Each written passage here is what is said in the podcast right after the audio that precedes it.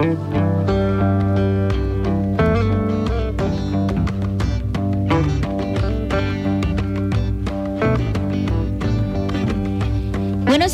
Jeronimo Drol Son of Jogja. Hai, halo kanca muda Jogja. Selamat sore. Assalamualaikum warahmatullahi wabarakatuh kanca muda Jogja. Huh. Tanggal berapa ini? Ayo coba dicek kanca muda. Pasti ada sesuatu yang bikin kamu deg-degan. Apaan tuh? Seminggu lagi Lebih sih Cuma udah deket kan Siap-siap uh, menuju bulan Ramadan Dan kita hari ini bakal mulai deh kasih tema yang berhubungan dengan Ramadan nih Kaca Baru Jogja. Temanya apa? Makanya stay tune terus sampai nanti jam 5 sore dari jam 4 Ella bakal temenin kamu dan juga pastinya barengan sama Ustadz Munif Tauhid. Assalamualaikum Pak Ustadz. Waalaikumsalam warahmatullahi wabarakatuh. Kanca muda. Sehat semuanya. Alhamdulillah sehat. Itu yang paling mahal adalah kesehatan. Ya. Jadi kita kemarin ada PR nih uh, kanca muda uh, mendasyatkan Ramadan kemudian kaitannya dengan niat. Nah, ternyata hadis tentang innama a'malu biniat itu sangat signifikan. Mm -hmm. Jadi kalau bahasa lebih kerennya itu gini. Anda mau jadi apa? Anda mau dapat apa? Atau Anda pengen endingnya kayak apa? Itu tergantung niatnya. Betapa niat itu sangat luar biasa. Makanya sampai ulama-ulama itu ketika sholat ada kalimat usolli gitu kan. Kalau antum, wah ini bahasanya agak keren nih. Kalau antum cari hadisnya nggak ketemu. Nabi Muhammad SAW nggak pernah pakai usoli-usolian. Bukan karena itu bukan aturan Nabi, tapi karena Nabi sudah jelas. Kalau Nabi sholat untuk siapa dan untuk bagaimana itu clear, gitu loh. Jadi kalau Rasulullah kan jelas kekasihnya Allah gitu kan. Jadi nggak perlu usoli beliau itu. Nah kalau kita kelas kita yang mudah sekali tergelincir, Makanya kalau saya siaran dari rumah itu saya doanya ya Allah mudah-mudahan dengan siaran ini uh, bisa menambah pahala untukku. Ada yang kemudian atas izin mendapat hidayah, pencerahan dan menjadi penghapus dosa-dosaku. Jadi agar saya siaran itu kemudian bermanfaat untuk dapat poin pahala. Nah gitu loh. Jadi nggak ada tuh niat-niat pengen viral, pengen biar terkenal itu harus dihindarin kayak gitu-gitu. Kenapa? Karena sudah pernah saya terangkan kan jadi ketika yang paling ditakuti oleh para ulama kan di situ. Ini sampaikan juga kegalauan ini kepada para jamaah. Jadi ketika di akhirat nanti ada orang nih pertama nih Ustadz nih diambil manggil nih sama Allah. Kau gunakan untuk apa umurmu di dunia? Ya Allah aku gunakan untuk ngisi pengajian ke mana-mana ya Allah. Apalagi kalau Ramadan ya Allah aku ngisinya banyak gitu kan. Uh, aku ingin berjuang di jalanmu dan memberikan apa namanya uh, istilahnya menyebar ilmu agar banyak orang kemudian uh, menyembahmu bertauhid kepadamu gitu kan. Hmm. bahasanya kan begitu pembelaannya begitu. Kata Allah kazabta bohong. Kamu ngisi pengajian biar kamu dapat amplop kan? Kalau amplopnya nggak banyak kamu nggak seneng kan? Ya kan dan kau, dan kau sudah dapat amplopnya kan nah maka kamu dapat hadiah amplop aja sudah selesai kamu nggak ada jatah surganya oh kasihan kan jadi Ustadz aja bisa masuk neraka itu. Apalagi kemudian ada lu orang kaya gitu kan. Kau dengan untuk apa? Aku sudah sodakoh ya Allah. Aku bantu masjid A, masjid B. Aku bantu panti asuhan A, panti asuhan B. Pokoknya aku tiap bulan itu keluar ratusan juta ya Allah. Untuk berinfak di jalanmu ya Allah. Hmm. Apa kata Allah? Kazabta, bohong. Kamu pengennya sedekah biar aku kasih lebih kan? biar aku dapat uh, kamu tak kasih lebih dan kamu dapat gelar dermawan kan dan kamu udah dapat di dunia semuanya saat malaikat dia akan neraka wah ngeri kan jadi ternyata amal soleh kita itu sangat riskan untuk hilang zong ibadahnya gitu loh makanya kalau kita masuk mau masuk puasa itu dari awal kita niatan udah benerin dulu lah mm-hmm. ya Allah ini Ramadan ya Allah momen yang di mana engkau menebar ampunan ya Allah aku ingin mengejar ampunanmu ya Allah karena apa pun yang kau miliki tanpa ampunanmu nggak ada artinya apa-apa. Apalah arti dunia ini tanpa ampunanmu ya Allah. Gitu kan? Ya jadi dia lurusin tuh. Makanya kalau kita tiap malam habis tarweh tuh imam selalu habis tak witir itu kan. Nawa itu sauma ghadin gitu kan. An adai fardhi sahri ramadhana hadis sanati imanan wa lillahi ta'ala. Pasti terakhir-terakhirnya ada lillahi ta'ala. Usul lillahi ta'ala. Soalnya lillahi ta'ala. Nah kalimat lillahi ta'ala itu tenanan. Jangan hanya di lisan. Tapi dalam hati yang paling dalam lah. Makanya kalau udah lillahi ta'ala. Itu mau ceramah yang datang banyak atau dikit tetap semangat. Mhm. Itu dapat amplop gak dapat amplop terus semangat. Jangan sampai malah ustadznya narif itu. Mana itu? Luar kota ya? Luar kota ya sekian. Saya ada tim timnya ini langsung ini, ini, ini. ribetnya minta ampun. Hati-hati itu Iya iya iya. untuk status ustadz termasuk saya. Jadi saya doakan kanca muda saya istiqomah nggak ada tarif-tarifan. Bismillah. Pokoknya terserah aja. Yang penting saya dalam posisi apa namanya eh, Anda tahu bahwa yang penting tidak apa namanya tidak istilahnya tidak apa ya tidak capean amat gitu kan. Maka saya kadang-kadang simple ya. Saya minta dijemput misalnya seperti itu. Alhamdulillah boleh menjemput sekarang nggak harus jemput lah. Saya kirim grab ya boleh. Saya kirim ojek ya nggak Iya, apa-apa. iya, iya. saya nggak mempersoalkan. Yang penting saya sampai lokasi saya tinggal ngisi. Jadi nggak perlu nyetir nggak perlu gini kan gitu untuk apa ya biar fokus ke materinya gitu kan kalau terpaksa nggak ada ini nggak ada Ustadz semuanya katrok semuanya jadul nggak ada yang punya aplikasi nggak ada yang jemput semuanya ibu-ibu ya sudah Bismillah saya ke sana Alhamdulillah kita punya tim pas pamtat pasukan pengaman Ustadz yang yang setia Pasukannya Pak Ustadz banyak loh. Ya, dengannya deh akhirnya ke sana gitu. semuanya. Ya alhamdulillah dan mereka ya noting tulus saja gitu kan kita juga Uh-uh. noting tulus saja. Nah, itu ya, ya jadi kembali ke niat puasa. Kita puasa mau apa sih? Sebagian orang puasa itu malah pengen wah alhamdulillah puasa nih gue bisa makan sana makan sini, gue bisa iftar sana iftar sini kan gitu Tuh, kan. Nah, ini- nyobain hotel sana hotel sini. Nah, nah kalau udah gini lah, Mhm. Nah, nah, niatnya puasa kan maka Rasulullah sampai melakukan apa ya peringatan eh, bahwa kamin soimin ya tidak sedikit Nah, sedikit orang yang puasa berhasil yang banyak sekali orang yang puasa itu hanya dapat khawful ju ya jadi dapat lapar dan dahaga lah ini kan berbahaya Rugi. Ya rugi. Makanya sekarang kita itu bangun tidur mau tidur apa pun diniatin. Sampai mohon maaf ya hal yang paling bagi suami istri kenapa anda mau berhubungan. Misalnya seorang perempuan ya Allah mudah-mudahan dengan ini aku mengikuti perintah dari Rasulullah untuk melayani dan mudah-mudahan ini menjadi ladang amalku sehingga aku bisa masuk surga ya Allah dengan taat pada suamiku gitu aja. Meskipun kamu nggak mood, meskipun kamu nggak menikmati apa pun terserah alasannya. Jadi istri-istri zaman dulu itu pokoknya ready aja sama suaminya gitu kan. Nah, kenapa? Karena dia tahu bahwa nawaitunya dia melakukan hubungan itu tidak hanya untuk enak nggak enak gitu kan. Bukan hanya untuk sekedar itu doang, tapi dia lebih yang mendasar bahwa ini perintah Allah dan Rasulullah, maka aku kerjakan. Itu kan keren kan? Kan seperti itu. Nah, seorang suami juga sama gitu kan. Ya jadi kita kita bahas masalah pahalanya banyak. Cuma kalau kita bahas bahwa dasar utamanya apa dulu? Anda mau menikah lurusin dulu nih. Niatnya apa mau menikah? Atau hanya sekedar hubungan badan? Atau lebih dari itu? Anda ingin menjalankan perintah Allah dan Rasulullah dan kemudian gara-gara pernikahan ini agar Anda dicap sebagai umatnya kanjeng Nabi sehingga besok kalau di akhirat Anda dapat naungan pertolongan Allah, dapat syafaat Rasulullah, gitu? Kalau udah levelnya sampai ke sana itu sudah bener lah. Lillahi ta'ala. Mhm. Nah, jadi kita lurusin semua ini. Dari bangun tidur sampai tidur lagi itu semuanya niatnya. Sampai sampai ada orang jadi wali, mau tahu wali ya, wali bukan wali kota, tapi ini waliullah lah. ada orang jadi waliullah itu sampai jadi waliullah itu hanya sederhana lah. Gara-gara apa? Dia setiap makan tuh selalu ingat Allah, ya Allah. Engkau ini nggak butuh aku. Aku yang butuh engkau, engkau itu nggak butuh aku, tapi kenapa engkau ngasih makan aku ya Allah? Keren kan? Jadi dia itu sampai mikir makan aja itu mikirin Allah. Ya Allah kalau orang ngasih makan aku itu butuh aku agar aku mau kerja untuk dia, agar aku baik sama dia, agar aku apa sama dia. Engkau ini tidak butuh aku dan aku tidak menguntungkanmu, engkau yang menguntungkan aku. Tapi kenapa engkau ngasih makan aku padahal engkau nggak butuh aku ya Allah. Mhm. Jadi dia itu menghayati makanan nasi itu sampai sebegitunya sama Allah, maka jadi wali dia. Mhm. Bayangkan hanya dari makan, belum kalau semua aspeknya. Jadi Anda kerja diniati lillahi ta'ala, ya Allah aku kerja dalam rangka kalau kerja ini atas perintahmu ya Allah di mana perintah Rasulullah salah satunya adalah ada dosa yang nggak bisa hapus kecuali dengan tetesan keringat dari pekerjaan maka Bismillah aku kerja sebagai tanggung jawab ini mengamalkan perintah engkau dan Rasulullah ya Allah gitu keren kan Mhm. jadi dia kerja, dia puasa sampai dia nanti tarweh, nanti sampai dia baca Quran. Itu tujuannya Allah, Allah Rasulullah, Allah, Allah Rasulullah. Keren kan? lah? Lillahi ta'ala, lillahi ta'ala gitu kan.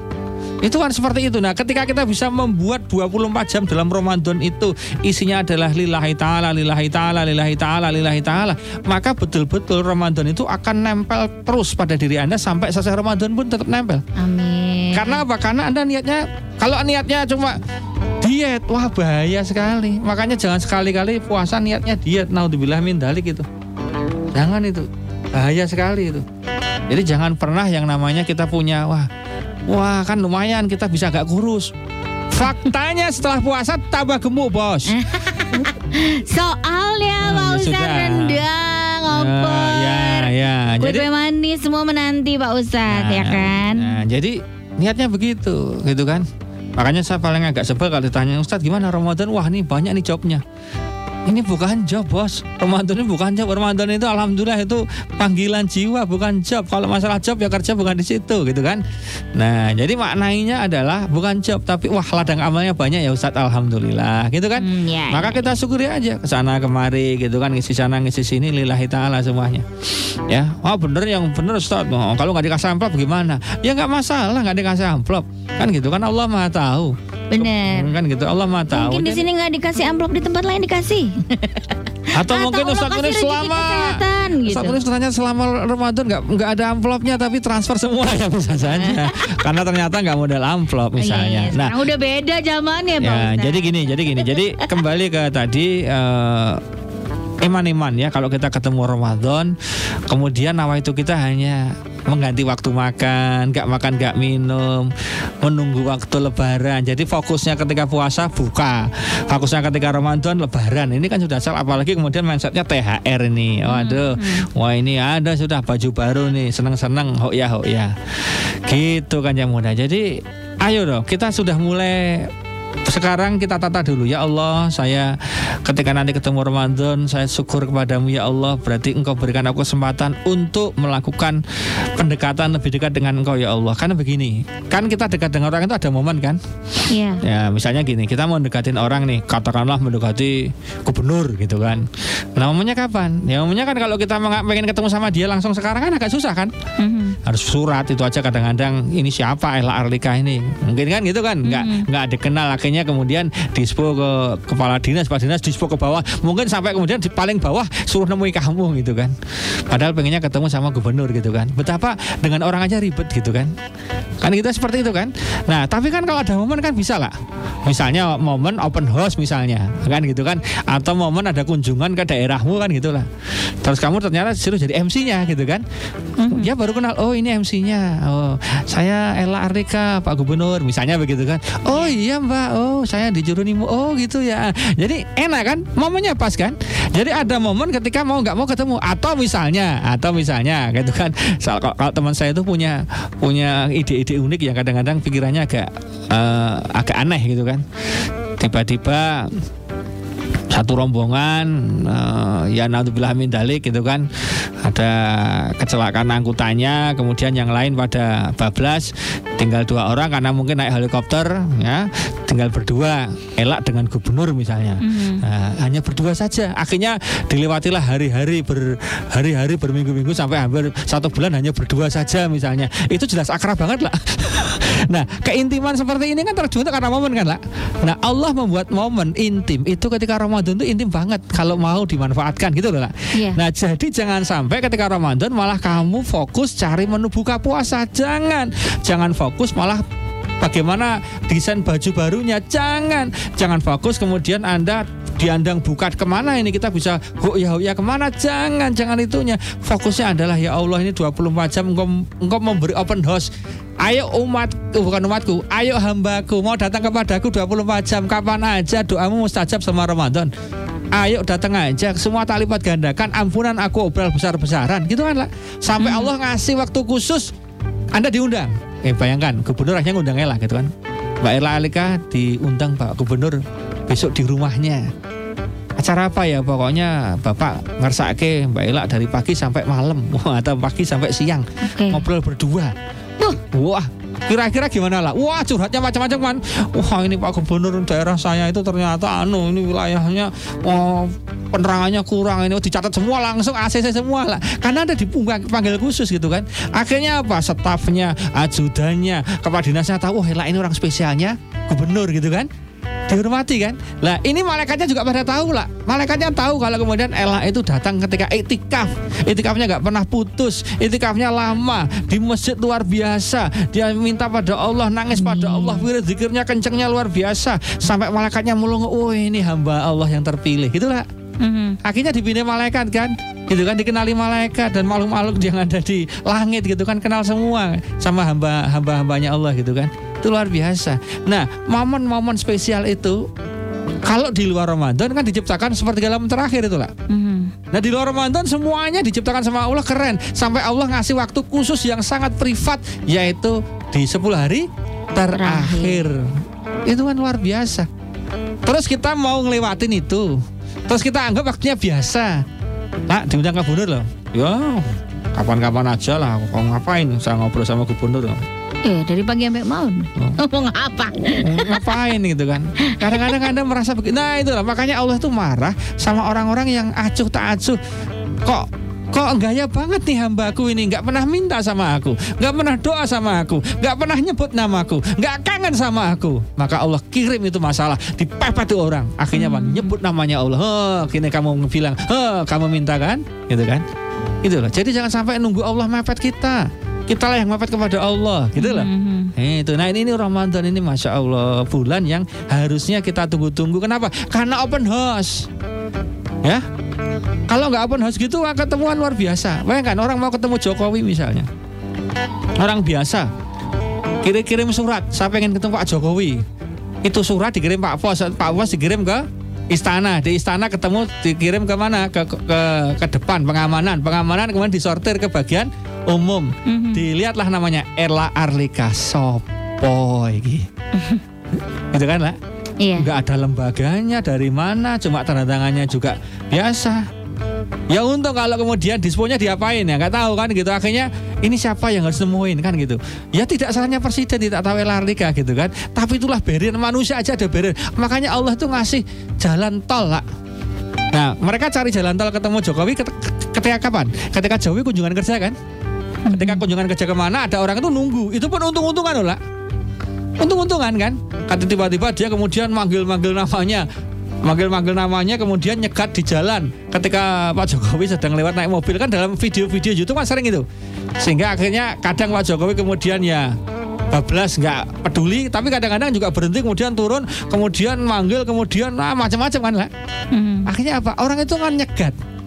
Kenapa? Siapa tahu Pak Jokowi lihat saya. Siapa tahu dia mau mau berhenti. Siapa tahu mau dengarkan keluh kesah saya. Siapa tahu kan siapa tahu lah. Kalau Allah itu dijamin.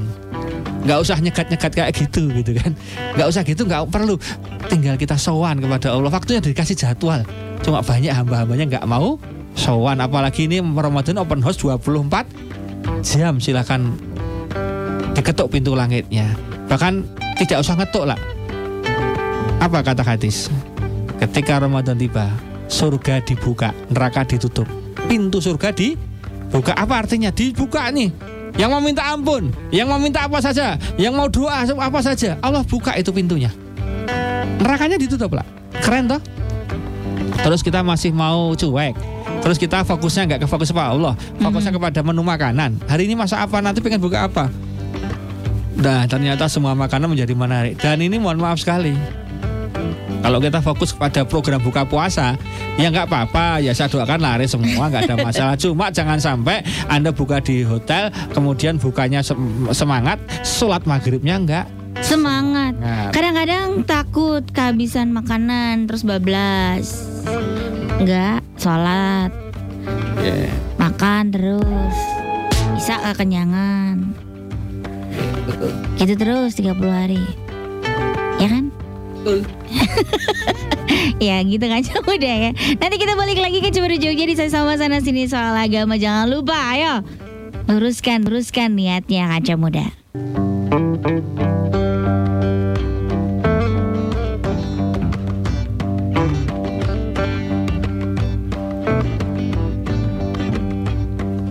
One Six One Jeroni Wadudwal Son of Jogja Balik lagi Kanca Muda Jogja di sasi Soma sana sini soal agama Dan masih aja nih Kanca Muda Kita masih ngobrolin soal Kita masih ngegosipin Ramadan Ramadan digosipin soalnya dia lagi jauh gitu. Jadi kita gosipin aja ya. Kita ngomong di belakang. soalnya nanti Ramadannya masih sekitar semingguan lebih nih Kaca Muda Jogja. Kita gosipin dulu ya. Ini supaya Kaca Muda Jogja kalau kamu ngedengerin kita ngegosipin soal Ramadan biar niatnya lurus, niatnya tepat, ni- niatnya baik, nggak ada embel ini ini no no no gitu ya. Supaya full gitu. Yang diterima sama Allah itu amal ibadah kita gitu Kaca Muda. Oke, Pak Ustadz, kita lanjut nih ngobrolin soal luruskan niat di bulan Ramadan. Mm-mm. Baik, jadi ketika kita, jadi kita apa ya? eh, ternyata dari niat itu menentukan tidak hanya apa yang mau diraih, yang dicapai, lah, tetapi menentukan stamina. Orang ketika menikah tujuannya seorang perempuan adalah mendapatkan fasilitas dari suaminya. Maka tatkala fasilitas tidak didapatkan, kemudian berkurang, maka cintanya berkurang semangatnya berkurang. Akhirnya banyak yang sampai resign. Alhamdulillah mindalik karena merasa tidak menemukan fasilitas itu. Walaupun dia berganti-ganti pasangan akan mengalami hal yang semirip dengan itu. Itu yang sering kejadian seperti itu. Karena nawaitunya sudah keliru. Si perempuan nawaitunya adalah bergantung dengan suami. Bahaya. Hanya bergantung pada Allah jangan pada suami. Pun dengan suami. Jangan sampai menikah itu ingin hanya pokoknya aku senang sama dia karena cantiknya kemolekan tubuhnya. Ternyata kurang perawatan atau karena nabilah min dzalik sakit kemudian nggak bisa maksimal sehingga dia cintanya berhilang gitu kan. Itu yang sepele-sepele seperti itu. Ketika orang sekolah niatnya adalah tidak cari ilmu tapi cari gengsi ya sudah menjadi masalah kan. Jadi lihat gara-gara niat yang salah itu berantakan di mana-mana staminanya nggak terjaga lah. Orang puasa nggak lillahi ta'ala. Itu nanti godanya berat sekali. Sampai-sampai ini udah boleh musafir ya Tat ya? Udah boleh batalin kan? Nggak apa-apa kan? Nanti ganti yang lain bisa kan Tat? Gini rewel aja dia. Padahal dia naik pesawat padahal dia naik kereta. Banyak bukti orang Jogja Jakarta naik kereta nggak usah putus puasanya ya bisa lah nggak ada masalah walaupun Allah ngasih kemudahan ngasih keringanan gitu kan. Tetapi jangan sampai kemudian dijadiin tujuan utama kemudian. Yang penting aku ambil keringanannya ya jangan. Gitu kan?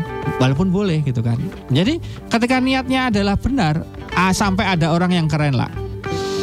Ini studi kasus dengan puasa Dawud lah. Karena Hmm. niatnya itu lillahi ta'ala betul dia pegangan tenan. Sampai dia piknik. Itu biasa. Masa Dawud dia piknik yang lain pada turun ku- kuliner di tempat itu yang enak-enak. Dia tetap turun. Tak temenin makan tak bayarin kata dia. Ya terus kamu gimana? Kalau ini enak aku bungkus saja. Nanti tak pakai buka. Dia santai. Dia nggak ada gimana gimana karena udah biasa gitu lah. Itulah karena kekuatan niat tuh di situ tuh. Kalau nggak niat lah wah udah sampai sini. Nah gitu kan Nak. Mhm. nah sudah nggak karu-karuan kan? Jadi betapa niat itu everything segalanya. Kasar bahasa kasarnya seperti itu kan. Nah makanya gimana caranya agar kita eh, apa namanya eh, meluruskan niat atau niatnya sudah benar? Maka cara pertama adalah kalau kita niat-niatnya itu masih tidak kuat, maka kita perlu tobat nasuha dulu kepada Allah Subhanahu wa taala. Ya Allah, aku tobat kepadamu ya Allah karena aku melihat banyak amal-amalku, banyak kegiatan-kegiatan ke- peribadatan, keagamaan, religiusitas ini kok kelihatannya nggak bisa maksimal. Kenapa Mhm. ya Allah? Ini pasti aku banyak dosa. Istighfar dulu sama Allah. Mohon ampun dulu sama Allah. Ketika udah mohon ampun, istighfar, serius, minta tutup buku dosanya sama Allah, di situlah kemudian menikmat, menemukan kelezatan beribadah lah. Jadi wajar kalau orang niatnya nggak lurus itu kenapa? Karena ada tampilan-tampilan dosa, ada tampilan-tampilan masih, ada tampilan-tampilan negatif yang merasuk dalam dirinya, gitu loh lah. Mhm. Itu yang paling bahaya di situ itu. Makanya eh, ini apa namanya perlu diingatkan, termasuk untuk saya pribadi juga. Ketika Ramadan ini tiba, kita mau apa sih targetnya? Ya targetnya itu kan kalau kita lihat sudah sangat jelas ya. Ini sudah hafal karena semua ustadz hampir membaca ini di bulan Ramadan gitu kan. Mhm. Nah pokoknya kalimat terakhirnya kan la'alakum tatakun Mhm. agar menjadi orang yang bertakwa. Indah ya. Ya ayyuhalladzina amanu, he orang-orang yang beriman. Jadi Allah tahu persis bahwa yang mau puasa itu orang yang beriman, orang yang meyakini gitu lah. Mhm. Karena faktanya ada orang puasa itu hari pertama sama hari terakhir. Kadang hari pertama habis itu nggak puasa. Dan kita jumpai, sering kita jumpai di tempat-tempat umum orang makan dengan enaknya, minum dengan enaknya. Kalau nanti dioperasi, operasi KTP misalnya, agamanya apa? Islam. Dia laki-laki dan dia sehat, dia bukan tua, dia bukan masalah nggak bisa. Ternyata masalah nahan makan nggak nahan makan itu bukan masalah bisa atau nggak, tapi niat atau enggak lah. Mm-hmm. Walaupun sehatnya luar biasa, tapi kalau nggak niat ya nggak bisa. Nggak usah nggak usah jauh-jauh. Ketika kita di luar Ramadan, dari pagi kita hanya telat sarapan aja siang itu sudah kayak orang mau perang aja. Bingung sana bingung sini nggak kuat.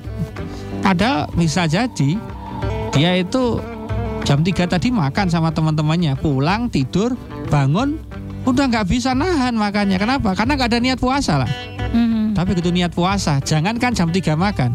Makan buka habis buka kegiatan hanya minum-minum aja.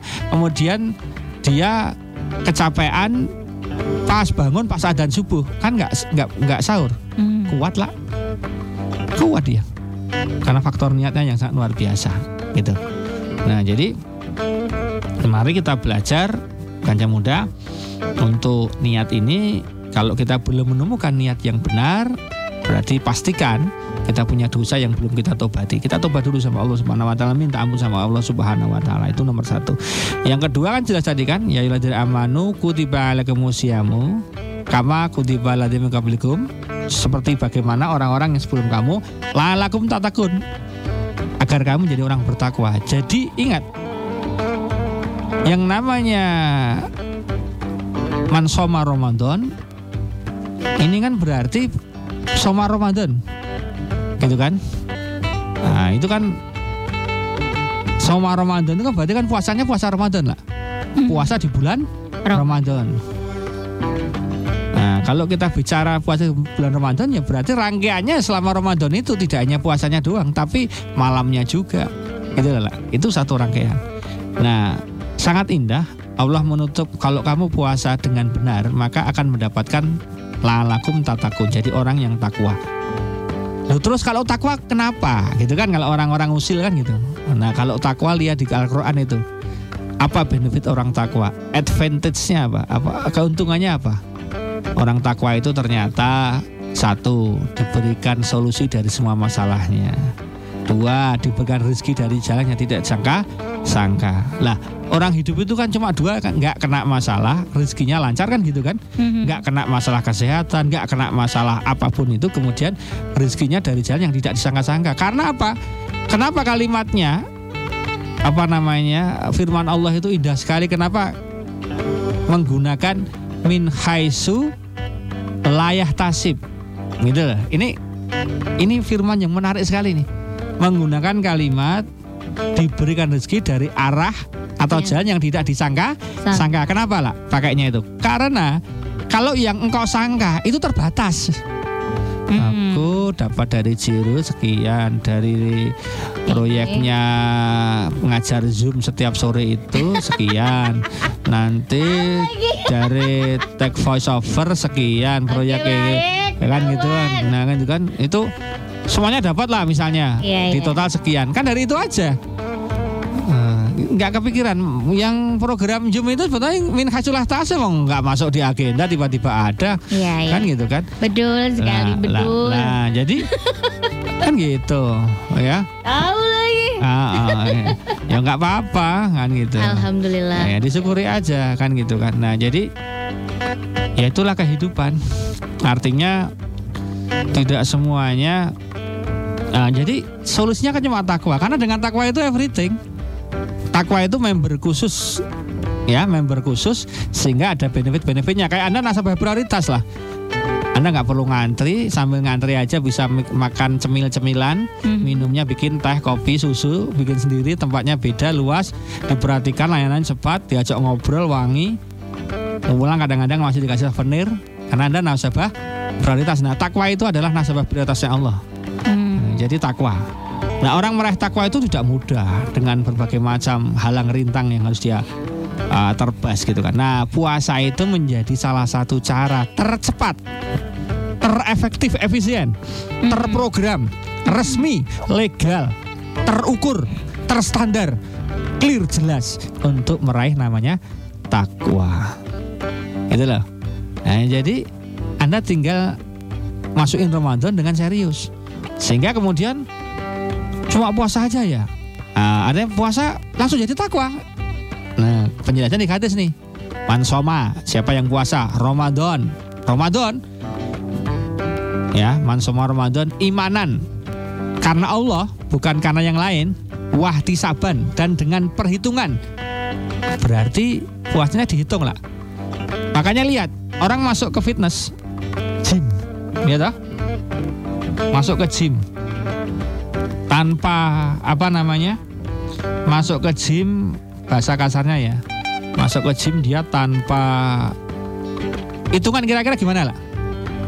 Pokoknya alat itu saya pengen, itu tak pegang terus. Alat ini nggak usah, nggak nggak seneng. Kira-kira hasilnya gimana lah? Hmm. Hasilnya saya kira ya masuk rumah sakit, ya kan? Dia nggak ada pemanasan, dia nggak ada pendampingan, Mhm. Dia repetisinya nggak jelas, yang ditarget nggak jelas sehingga mungkin bisa jadi malah ototnya kena masalah, entah kesleo, entah gini. Salah menggunakan. Ah, gitu kan ternyata bisa contoh ya, saya tuh konsultasi juga loh lah. Contoh. Fitness. bukan Apa dong? eh, masalah eh, diet. Konsultasi Oh, sama ahli, eh, sama ahli. Kalau saya diet, dok, kira-kira gimana hasilnya untuk menurunkan perut saya ini biar nggak terlalu besar? Oh gini Ustadz, kalau cuma diet tanpa diimbangi olahraga bahaya. Loh kok bisa bahaya dok? Iya, misalnya Ustadz nih kasarannya 24 jam menunya saya kontrol. Menunya saya tentuin dan tidak dilanggar selama setahun dua tahun. Mhm. Saya pastikan Ustadz pasti insya Allah turun itu berat badannya turun dengan perutnya. Cuma kalau tanpa olahraga nanti perutnya gelambir. Jadi ternyata gelambir lah. Si perut itu kan tadinya kan Iya, iya. terus ada Jadi gelambirannya. longgar. Ya, Longgar. gelambirannya itu kelihatan sekali. Iya, iya, iya. Nah, terus gimana? Ya itulah kalau tanpa olahraga. Akhirnya apa? Harus dipotong, banyak operasi. Sampai ada orang operasi ngilangin gelambirnya itu ada lah. Iya, betul, betul. Nah. Banyak, banyak Pak Ustaz. Ya, makanya oh ternyata ada ilmunya. Kalau mau pas jadi antara dia dengan olahraga itu fungsinya apa? Oh, fungsinya ototnya bagus, elastisitasnya terjaga sehingga apa? Nggak perlu ada operasi penggelambiran itu. Ternyata itu ada ilmunya. Lah puasa itu juga ada ilmunya. Gimana biar puasa kita itu nggak sia-sia? Boleh nggak pas puasa itu rerasan? Ghibah, boleh nggak pas puasa itu tidur terus? Boleh nggak pas puasa itu lihat yang nggak buruk? Boleh nggak pas puasa itu bohong? Boleh nggak pas puasa itu? Itu kan sebetulnya kayak diet larangan-larangan larangan gitu kan? Mhm. Kalau dilanggar gimana? Ya nggak berhasil dietnya, nggak berhasil membentuk apa namanya kesehatan dan bentuk tubuh yang ideal, betul nggak? Sama ketika Anda melanggar syariat-syariat, fikih-fikih daripada puasa, hikmahnya puasa, Anda langgar semuanya yang terjadi apa? Ya puasanya tidak maksimal. Makanya kalau sahabat itu kalau sudah di akhir Ramadan nangis semua. Hmm. Mereka tersejuk-sejuk itu kan. Nangis. Karena apa? Nangis antara duka dan bahagia. Bahagianya adalah dia sudah mau lebaran. Dia sudah akan meninggal, eh, sudah mau dalam tanda petik, sudah akan memetik kemenangannya. Dia Hmm. sedihnya karena sudah berpisah. Bahkan para sahabat itu kemudian deklarasi, ya Allah, kenapa nggak semua bulan kau hitung dengan Ramadan? Loh, Ramadan itu kan sangat luar biasa toh. Orang menghargai betul toh waktu dengan Ramadan itu Mhm. ya sangat menghargai betul.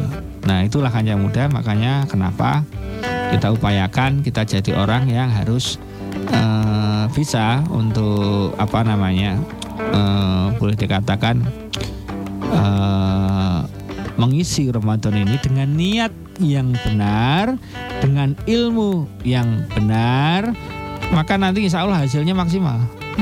Nah, mulai sekarang niatnya ditata dulu nih. Kamu mau puasa itu kenapa? Karena selama ini kita nggak pernah kita tahu-tahu, oh nanti malam taraweh ya. Kok bisa? Anda bilang nanti malam taraweh, berarti selama ini kamu nggak pernah ready kan? Nggak sadar. Nggak sadar toh. Kamu Ah. itu kan masalah sampai-sampai, aduh, aku pulang dulu nih. Ternyata nanti malam taraweh aku. Wah, ini kan, aduh, gimana ini? Gitu loh bos.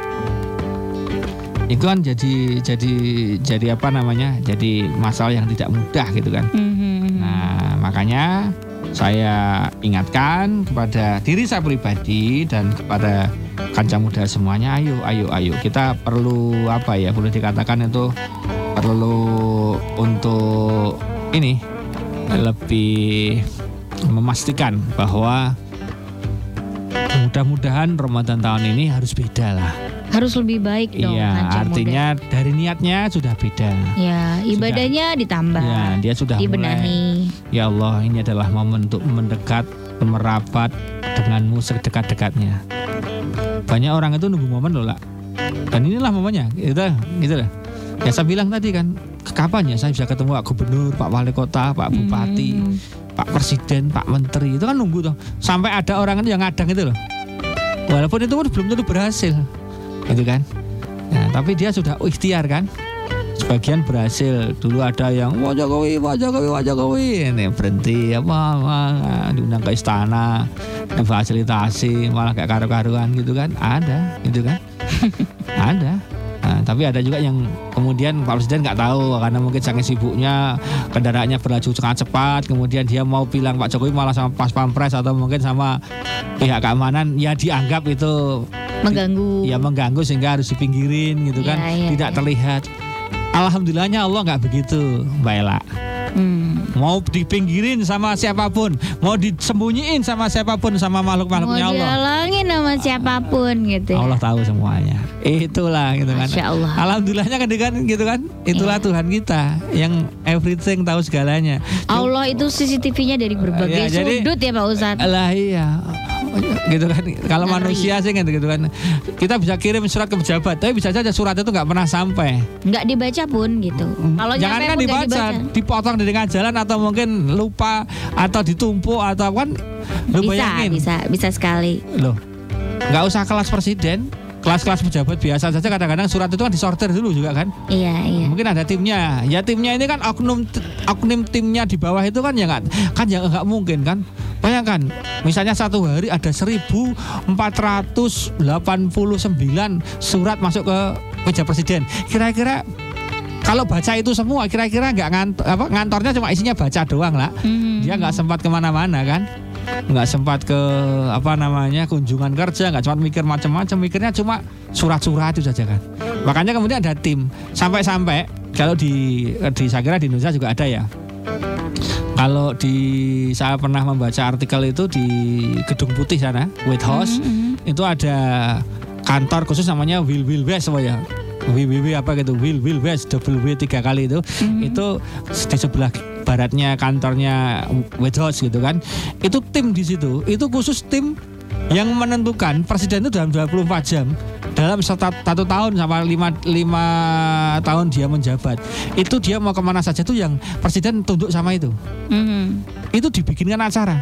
Sehingga di situ tim itu menjadi kayak kantor khusus badan pusat statistik gitu kan. Mhm. yang surat masuk semuanya agenda. Banyak kan kan? Dalam satu hari kan presiden diundang diundang loh lah oleh misalnya harinya kan cuma satu waktunya 24 jam kan lah 100 undangan satu hari. Contoh ah, namanya presiden lah 100 undangan dalam satu hari padahal satu hari 24 jam. Berarti kan maksimal acara kan 24 itu. Itu pun nggak ada satu jam loh lah Mhm. setengah jam geser setengah jam geser itu pun dekat-dekat. Kalau jauh kan ya nggak mungkin kan? Akhirnya yang itu gedung yang satu itu nentuin Presiden harusnya ke- dalam hari ini ke sini aja, ke sini aja, ke sini aja, nggak usah ke sini karena ini nggak perlu ke sini karena gini-gini, ini perlu ke sini karena gini-gini. Itu sampai ada yang mikir. Jadi Mhm. tahunya presiden tuh jalan. Coba kalau dia nyortir, hmm, ini aku pernah ke sini nggak? Ke Virginia ini pernah nggak ya? Itu daerah mana ya? Dulu ngapain sana ya? Eh, sudah, habis waktunya untuk mikir itu tok lah. Mhm. Itulah manusia. Kalau Allah unprosedural seperti itu. Allah maha tahu segala-galanya dan tahu semuanya dilayani luar biasa kan lah. Mhm. Allah nggak pernah bingung yang minta semuanya satu dunia ini minta bareng. Allah nggak ada bingung. Ini yang mana dulu itu Allah nggak bingung. Itulah Tuhan. Allah Subhanahu wa taala wallahu ala kulli syai'in qadir. Yang semua takdir ada di tangannya lah. haula wala quwata illa billah. Nah, jadi ada momen khusus di mana kita menjadi tamunya Allah ketika bulan Ramadan maka jangan sia-siakan Allah sudah membuka pintu lebar-lebar bulan Ramadan sebagai bulan untuk mendekati Allah Subhanahu wa taala, manfaatkan momen itu jangan dilewatkan begitu saja. Mari mulai susun agenda-agendanya apa saja, ritualnya apa saja, upayakan capeknya maksimal. Karena kalau kita puasa nggak capek dipertanyakan, isinya Mhm. berarti cuma tidur saja. Kayaknya mudah. Gitu. Walaupun ya tidurnya orang berpuasa itu pahala bukan berarti terus kaca muda boleh tidur terus.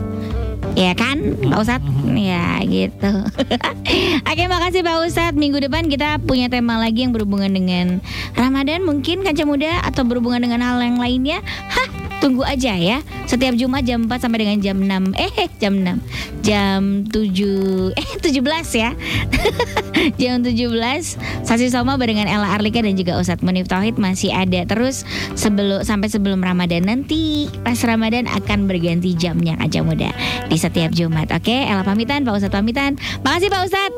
Assalamualaikum warahmatullahi wabarakatuh. Love Jogja and you. Bye bye.